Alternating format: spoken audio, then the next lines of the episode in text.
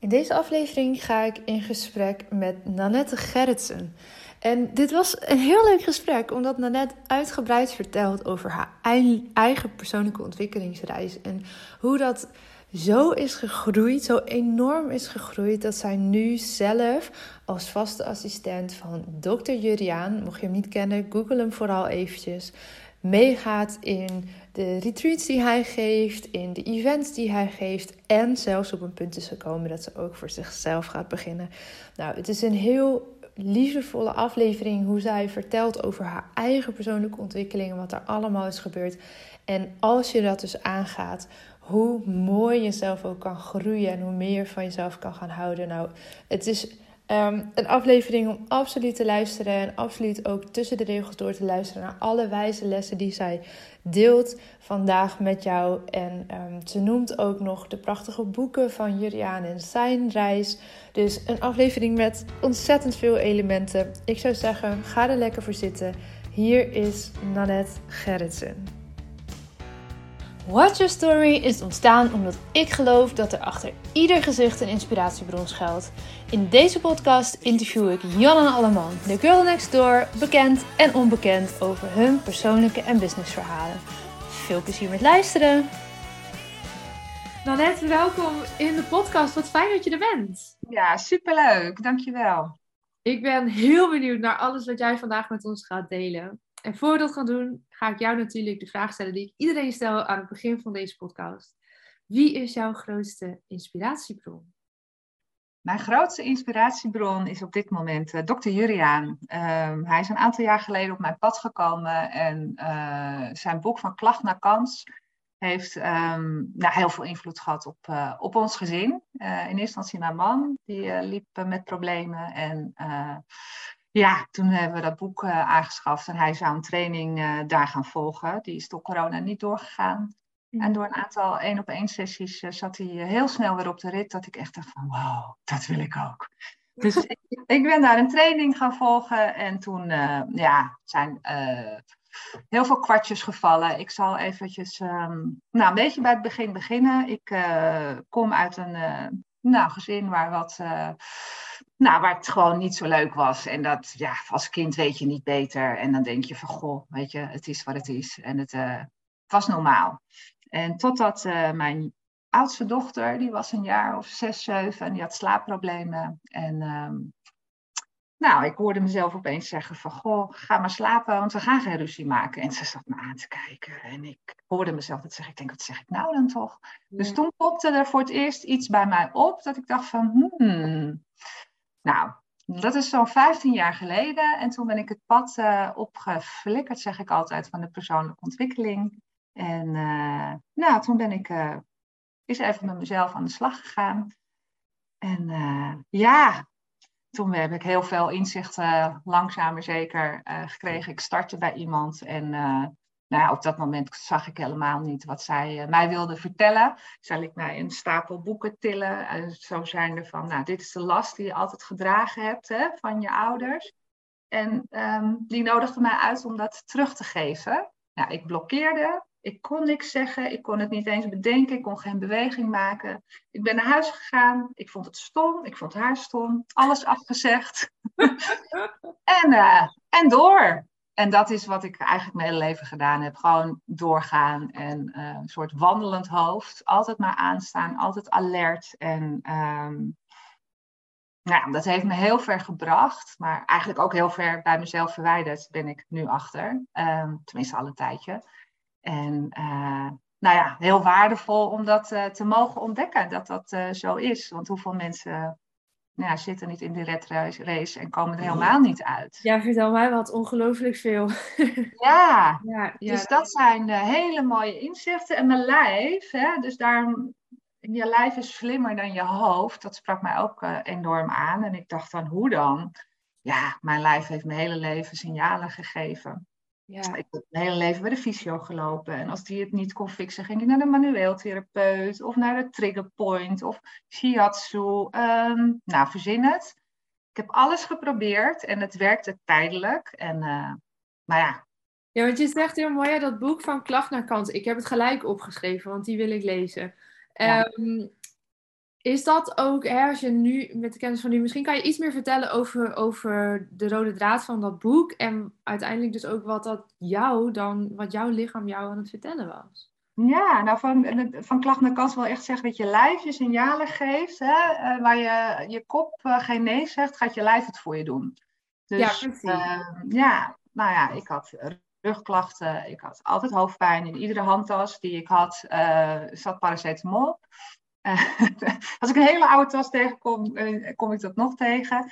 Dus ik ben heel langzaam maar zeker bewuster ook gaan leven. En daar was ik al een beetje mee begonnen voor dat boek. En, en ja, toen vielen er zoveel kwartjes van ja, oké, wat, wat, hè, wat, wat, mijn lijf was zo verstijfd en zo. Uh, ik stond altijd letterlijk aan. Ik was altijd gespannen, altijd alert op nou ja, wat er zou kunnen komen. En ja, dat put je gewoon uit. Dat is echt. Uh, ja, dus dat is. Um, ja, ik heb ook eigenlijk ben ik meer, veel meer in contact gekomen met mijn lijf en kan ik daar nu naar luisteren. Ik, ik merk echt hè, eh, dat we ook dat ik met jou in gesprek kwam. En uh, ik vind het hartstikke spannend, maar ik had wel meteen zoiets van, yes, leuk. Ik voelde dat in mijn buik. Ik denk, en nou, en daar luister ik nu naar. En um, zo, nou ja, doe ik steeds meer dingen uh, vanuit mijn lichaam in plaats van uit mijn hoofd. Ja, ja dat is zo tof. Ja, want wat jij zegt, hè, dat is iets, uh, dat raakt natuurlijk mijn eigen verhaal met de fysieke klachten die ik uh, mm. lang heb ervaren en die af en toe nog steeds wel eens oppoppen. En ik weet nu dat ik dan, hè, ik, soms negeer ik het nog een paar dagen, maar dan weet ik dat ik eigenlijk moet gaan luisteren van hé, hey, wat vertelt mij dit? Uh, dat wist ik niet toen ik voor het eerst last kreeg, in mijn geval van reuma. Mm-hmm. En pas veel later, hè, ik ben dat verhaal ook gaan geloven, die stempel die kreeg ik. En ja, je gaat ernaar leven. Um, pas veel later, denk 10, 12 jaar later, kwam ik erachter van hé, hey, dit, dit verhaal heeft me inderdaad heel veel gebracht. Maar nu ben ik er zo klaar mee. Nu ben ik klaar om dat te doorbreken en ook echt los te komen van die klachten. Nou, er zijn genoeg mensen in mijn omgeving die zeggen, ja, dat kan helemaal niet, het is chronisch en dat kan toch niet. Nou, voor mij werkt het. Ik zie dat het voor meer mensen uh, kan. Um, ja, ik geloof erin. Maar ik vind het wel heel tof om misschien vanuit jou dat, die ervaring ook te horen. Hè? Want wat jij zegt, die, die rugklachten, nekklachten, hoofdpijn. Dat zijn en dan heb je het niet over reuma of over hè, de nog ernstige ziektes waarvan je denkt van nou ja, maar... Hm. Um, die, die, die, klachten waarvan we allemaal eigenlijk wel weten. Vaak is het stress, niet lekker in je lijf zitten, naar allerlei verklaringen. Um, jij kwam dat, dat boek tegen, dat proces in, je had die klachten. Hoe ben jij dat, dat proces doorgegaan? Kan je ons daar eens in meenemen? Ja, Want zoveel mensen staan denk ik nu op dat punt waar jij toen stond. Ja, ik, uh, nou, het was, ik kreeg een heel mooi, mooi inzicht van, uh, hè, we zijn, uh, ze zeggen ook wel eens, we zijn human beings, geen human doings. En um, nou ja, mijn, mijn tactiek was gewoon doorgaan. Altijd uh, altijd in de actiestand, altijd aanstaan, altijd klaarstaan voor iedereen. Zorgen dat iedereen het naar de zin heeft, want dan had ik het naar mijn zin. Dat was echt, nou ja, ik dacht dat dat, uh, dat, dat het ultieme was. Want ja, zo, dan voelde ik me goed. Maar achteraf ja, was dat natuurlijk puur om, deed ik dat om mezelf een goed gevoel te geven. Um, en waar ik um, dus, dus nou, ik kreeg een hele mooie vergelijking voor mijn hoofd van doing is existing. Hè? En op het moment dat doing werd weggekruist, hij zegt, nou, als dit een vergelijking is, besta je dus ook niet. Dus het doen was mijn bestaansrecht geworden. En um, toen was uh, de volgende uh, being is existing en nog een stapje verder, being is accepting. Dus wat heb jij te accepteren? En ik had echt zoiets, ik heb niks te accepteren, hoezo? Weet je, wat?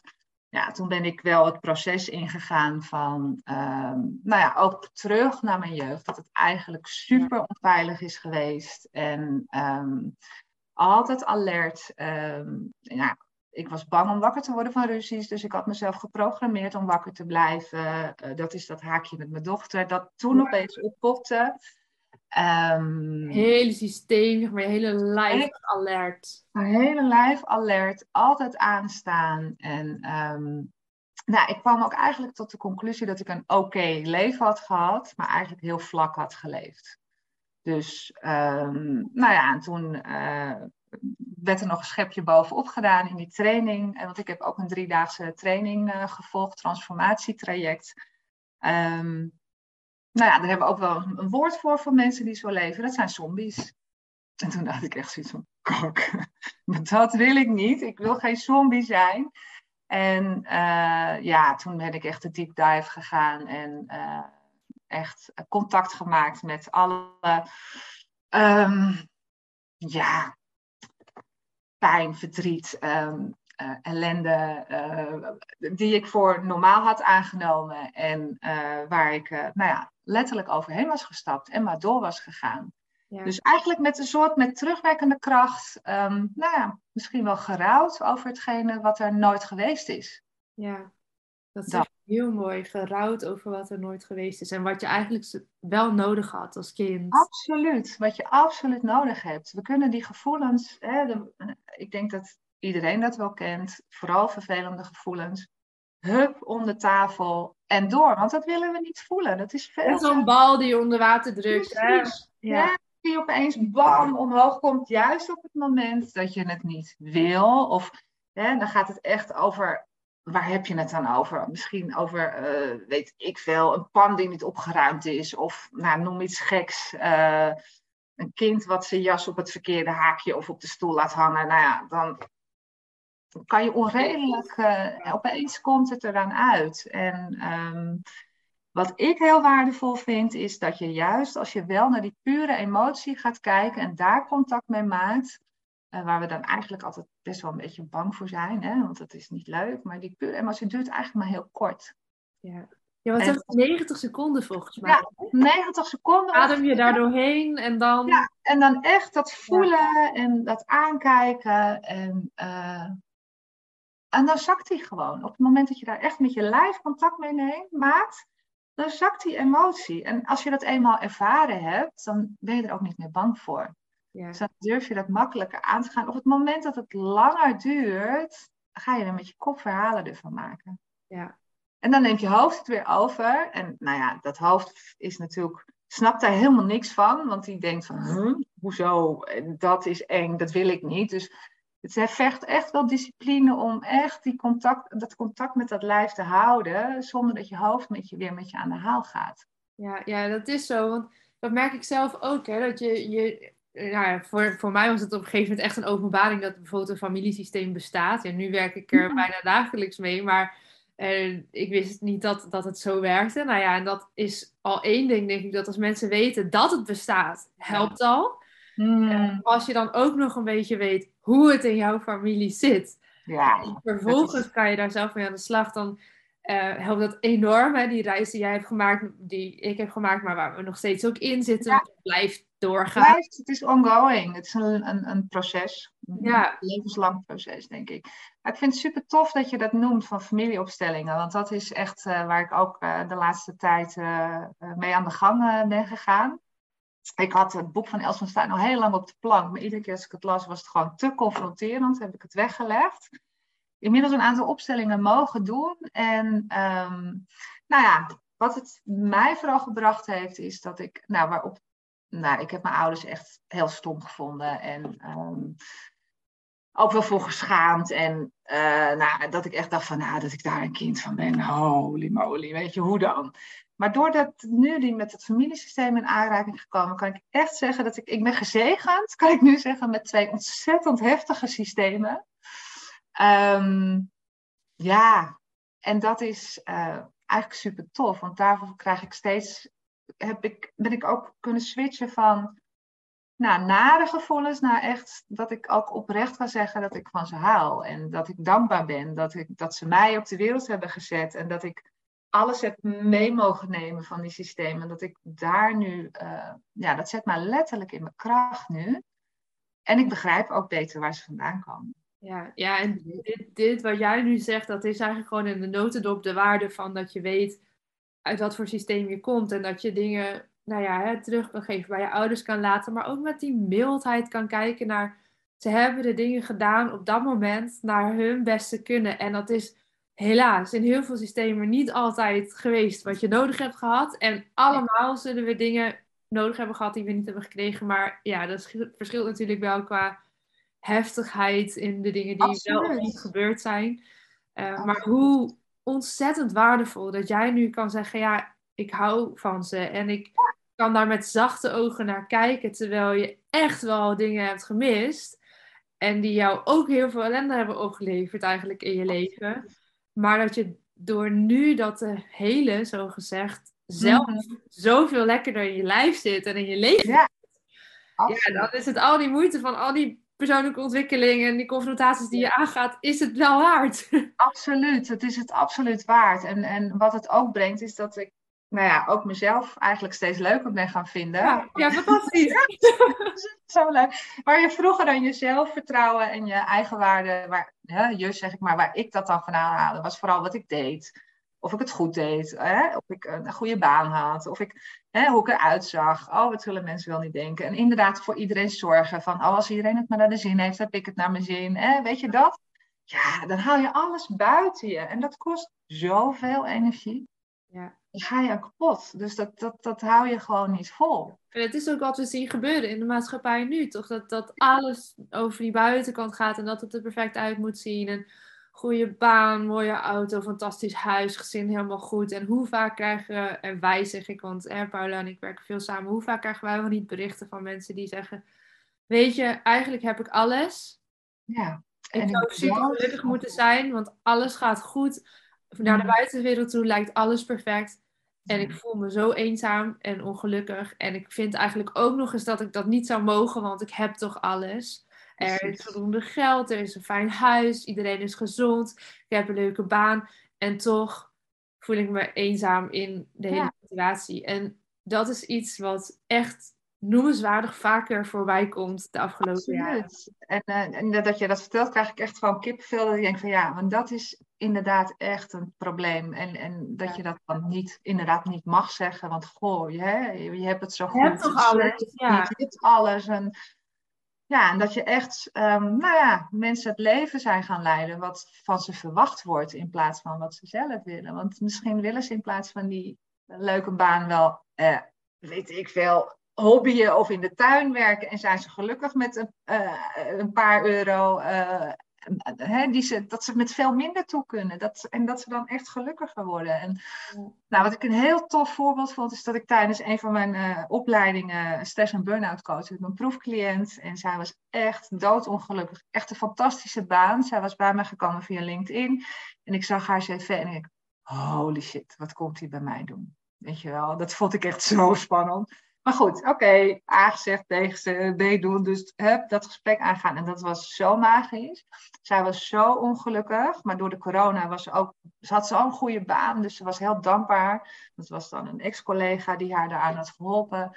Ze had een fantastisch appartement met heel veel, eh, nou, maar heel hoge huur. En nou, ook vanuit de, de moeder, ja, dat ze zo dankbaar moest zijn dat ze het zo goed had. En uh, nou, van alles. Maar zij was doodongelukkig. Zij wilde het liefst reizen de wereld rond. En uh, nou, lang verhaal kort, zij heeft de baan opgezegd en uh, ze is gaan reizen weer. Dus nou ja, dan uh, denk ik van, het is toch super tof. Ja. Dat je hè, mensen daar gewoon door, gewoon even het gesprek aan te gaan, kritische vragen stellen, kijken van... Hè, mensen zitten ook zo vaak gedag, gevangen in hun gedachten dat ze het idee hebben dat ze ergens aan vastzitten. Hè? Want zij ook met um, uh, dat salaris. Nou, als je even door ging vragen, had ze best nog wel wat geld. Hè, reserves, dus ze kon best rondkomen. Dus in hoeverre heb je die baan nodig dan? Weet je? Um, ja, uh, als je gaat reizen en op een andere manier je levensstijl gaat inrichten, dan ja. En zeker ook nog eens in de tijd van nu, ik weet natuurlijk niet wat ze deed, dat hoef je hier ook niet te vertellen, want dat mag ja. lekker anoniem blijven. Maar um, heel veel kan dus tegenwoordig ook gewoon online. Weet je, het werk wat ik doe kan voor het allergrootste deel online. Um, ik ga zelf heel bewust kiezen om volgend jaar juist weer meer offline te doen. Mm-hmm. Want ik merk dat ik zelf, ik vind het fantastisch dat het kan online. Maar als je het hebt over die verbinding, ja. Ik begin het echt te missen nu na een paar jaar tijd. Ik, weet je, ik woon ook in het buitenland en niet ver weg, maar toch wel. Weet je, ik ga niet even een avondje naar een netwerkevent, even heen en weer, zoals ik dat eerder op de fiets deed bijvoorbeeld. Of even mm -hmm. met de trein of met de auto. Um, dat is vaak te ver hier. En ik wil heel bewust weer terug naar, nou ja, jij werkt ook veel met, met Juriaan, gaan we zo vast nog wat meer over horen. Jullie doen ook heel veel offline. Ja. Juist die verbinding met jezelf, met de groep, met elkaar op te kunnen zoeken. En dat is ook iets wat, waarvan ik merk, niet alleen zelf, maar ook de mensen die, die met ons werken, daar echt wel weer aan toe zijn. Ja. ja, juist deze paar jaren van alles maar online, online, online, online. En het is fantastisch. Het heeft mijn bedrijf overeind gehouden in deze rare jaren. En okay, ja. vele anderen. Maar ik ga heel bewust die keuze maken voor meer offline weer. Ja, ik snap dat. En ik denk dat die combinatie echt magisch is. Uh, want offline heb je toch Hè, de energie is veel, je voelt veel meer, je ziet veel meer. Um, mensen nou ja, voelen jou, uh, jij, nou ja, je, je, vangt veel meer signalen op. En hè, zoals nu online een gesprek is prima, dat werkt fantastisch. Um, en dat kan ook met mensen in, in de nazorg of hè, om eventjes, ja. uh, als we ergens tegenaan lopen. Ja, ik ben helemaal met je eens dat offline is gewoon, uh, ja, ja, mijn droomplaatje is dat deze podcast uh, ook niet hier, zeg maar zo, via beeldjes van Ochroma, maar dat het gewoon een toffe kamer is waar we met twee zitten. gaan zitten, weet je. Dat, cool. ja. Het kan hier, maar ja, iedereen woont zo ver weg dat ik ook wel snap dat hè, even voor een podcast twee of drie uur rijden, ja, dat, dat is best wel veel gevraagd. Um, dus het is fantastisch dat het kan zo, hè. Dat, dat is het mooie van het internet, dat het kan. Ja zo. En het gesprek is niet minder waardevol. Maar ik weet ook dat als wij samen aan deze tafel zitten, onze dynamiek zal nog intenser zijn en nog oprechter misschien zijn, omdat je elkaar kan aankijken en kan voelen. En die emotie, ja, die is er heel vaak ook gewoon in de podcast zo. Maar ja, je weet toch dat het net, anders is. Nog net, ja. ja. Ja. Nou, wie weet zijn er wel mensen. Ik, was best, uh, ik zou best bereid zijn om daarvoor te rijden hoor. Dus ja, nou ja, ik, geloof dat dus ook wel. En ik hoop dat we, dat we in de toekomst misschien iets centraler zitten, dat die drempel net wat lager wordt. Maar um, ja, ik zou dat wel echt, dat is wel echt een wens van mij.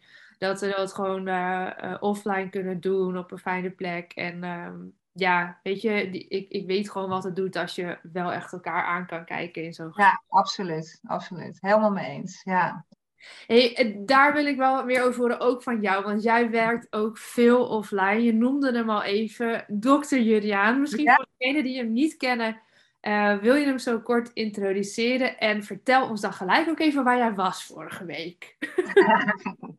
ja, nou, dokter Juriaan is uh, um, oorspronkelijk huisarts. En um, nou ja, in de, in de praktijk uh, liep je er vooral nou ja, tegenaan dat mensen met de klacht waar ze voor komen, dat dat uh, nou ja, vaak niet te fixen is met een pilletje. Uh, um, hè? En, en ons systeem is daar wel op ingericht dat mensen die bij een dokter komen van uh, met de klacht daar een pilletje en, en door. En dan doorgaan op het pad wat je eigenlijk ziek maakt. Um, maar dat er nooit ruimte was om eens te vragen: Goh, hoe is het met je? Hoe is het op je werk? Hoe is het thuis? En, en dus even, even um, nou ja, naar de mensen achter de klacht kijken, zeg maar. Um, en daar, um, nou, daar aandacht aan te besteden. Want heel vaak zijn de klachten symptomen van iets heel anders.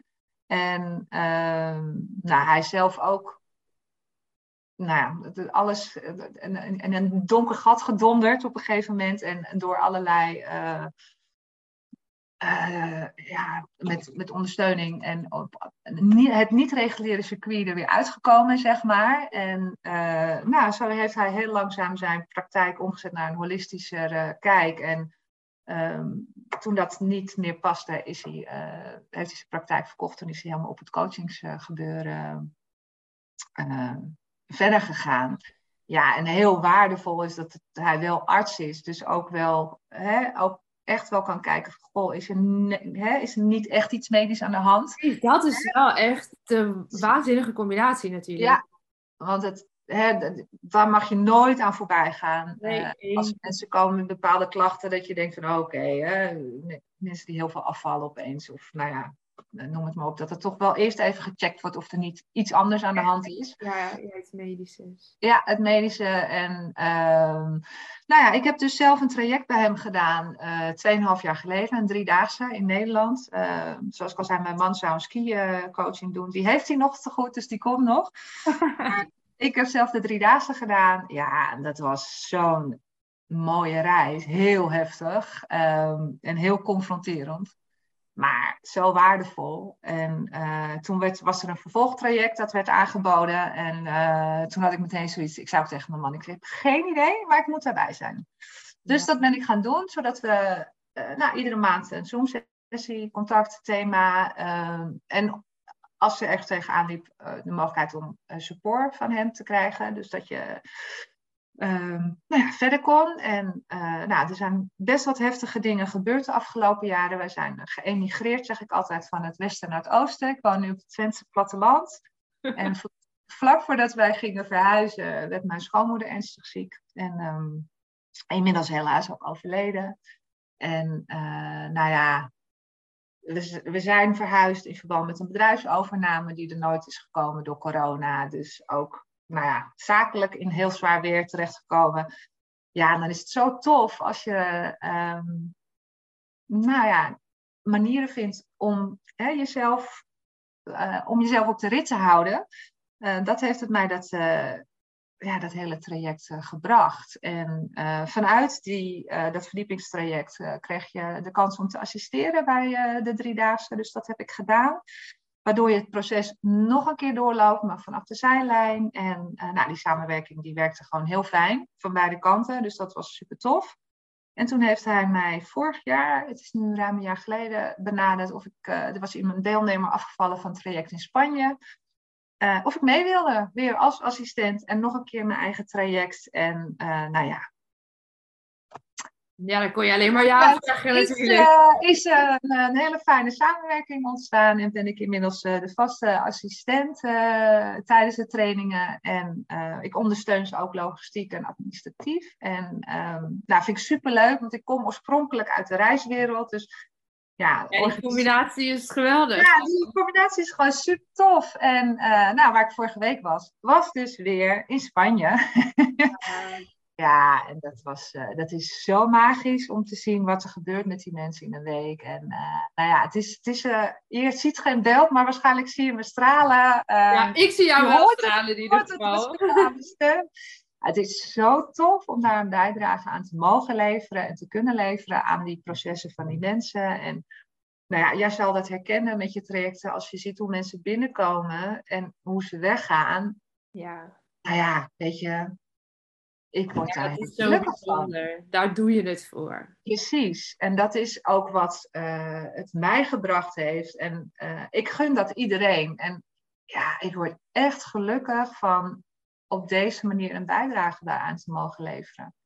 En uh, ja, super tof. Dus ik ben dan daarnaast dan ook nog voor mezelf aan het, aan het starten. En ehm, ja, weet je, ik ik ben dat nu aan het onderzoeken hoe ik dat uh, ga doen. En um, ja, ik organiseer ook een, een, eerste weekend in december samen met een vriendin voor uh, Now It's Me Time weekend.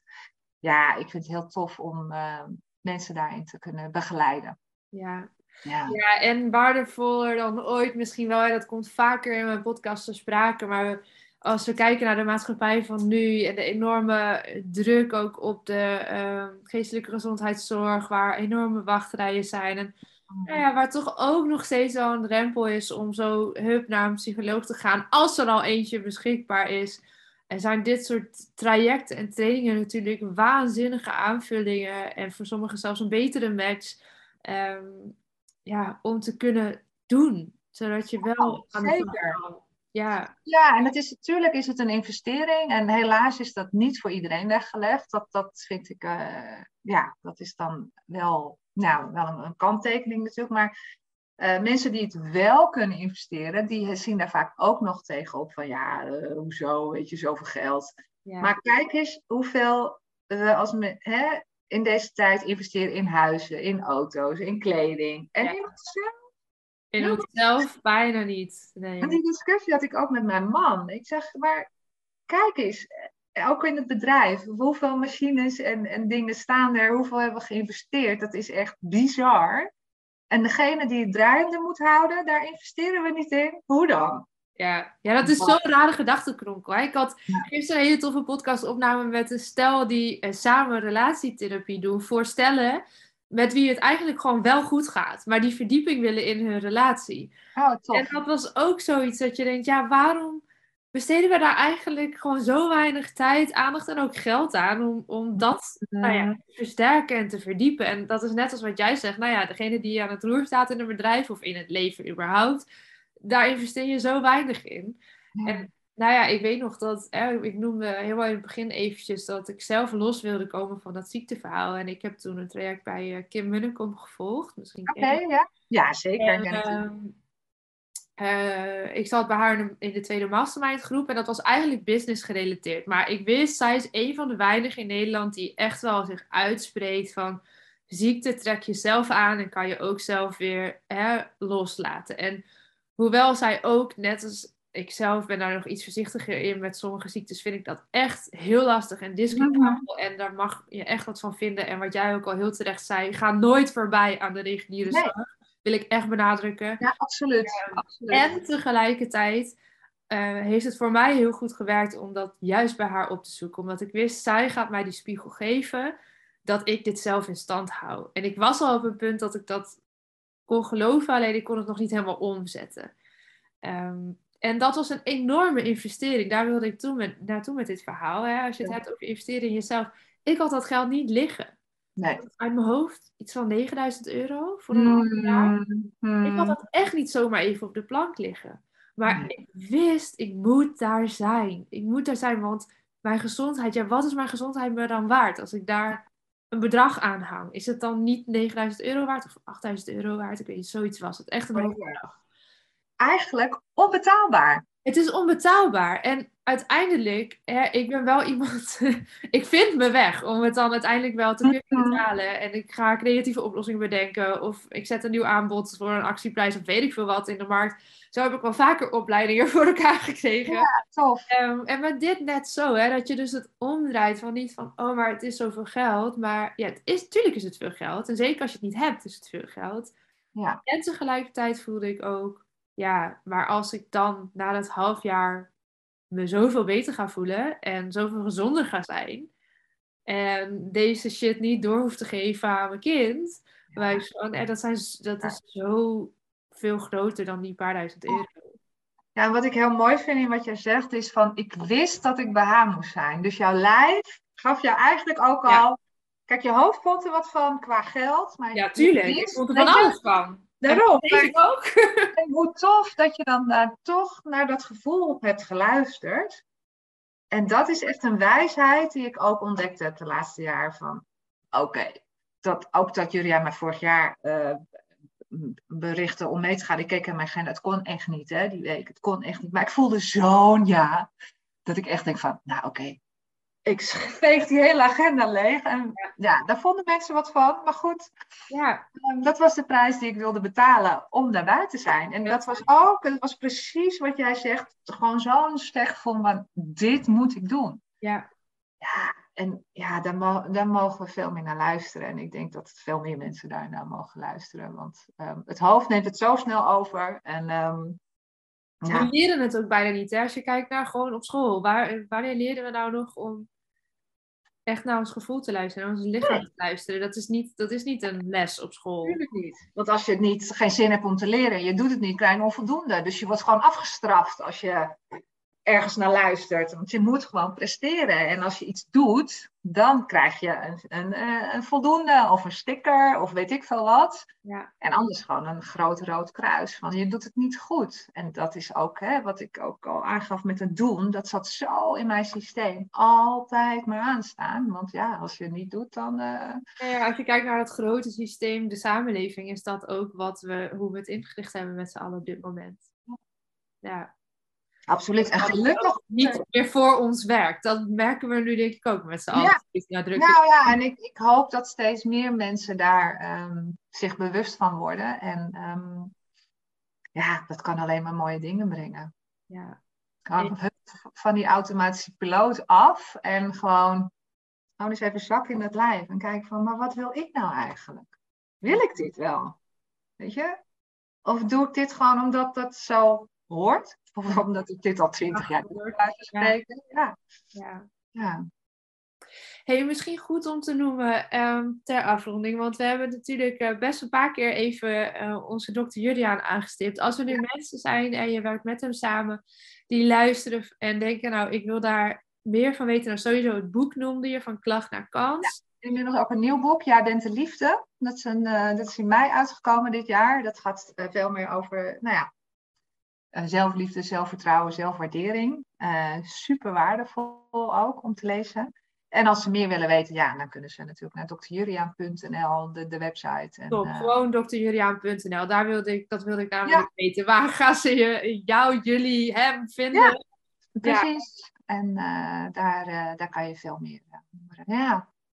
Ja, waanzinnig mooi. Ik ga zeker zelf die boeken gauw in huis halen, want ik zie het al vaak voorbij komen op de perfecte plaatjes van Instagram natuurlijk. Maar ik ben heel benieuwd. Ehm, en ik wil zeker mensen aanmoedigen, als je op zoek bent naar zoiets en het spreekt je aan, en vooral ook, er zijn heel veel vrouwen, vind ik, in deze wereld. Het is heel verfrissend dat gewoon een jonge vent in het landschap is die ook dit soort ja. Um, ja, trainingen faciliteert en, en doet. Zoek hem op, uh, verdiep je erin. Ja, ja, absoluut. En op de website staan ook heel veel uh, blogs ter inspiratie. Dus het, het uh, um, weet je, je kan heel veel al, al vinden zonder dat je daar andere stappen in hoeft te nemen. Het kan gewoon jezelf verrijken. Ja. Mag ik jou onwijs bedanken voor dit leuke gesprek. Ja, het was echt. Het was fijn. Ja. Ja, dat vond ik ook. Dankjewel. ja. Dankjewel. En we gaan jouw reis ook volgen in de mm. jouw avonturen. Ja, absoluut. Heel benieuwd. Ik ben ook heel benieuwd. Ja, super tof. Dankjewel. Dankjewel, Popola. Dankjewel voor het luisteren naar deze aflevering van de Lotte Gerland podcast. Ik vind het super leuk om te weten wie er luistert en vind het dan ook te gek als je dit met me deelt. Bijvoorbeeld via je Instagram stories. Tag me vooral at watchyourstory-nl, zodat ik jouw bericht ook weer kan delen.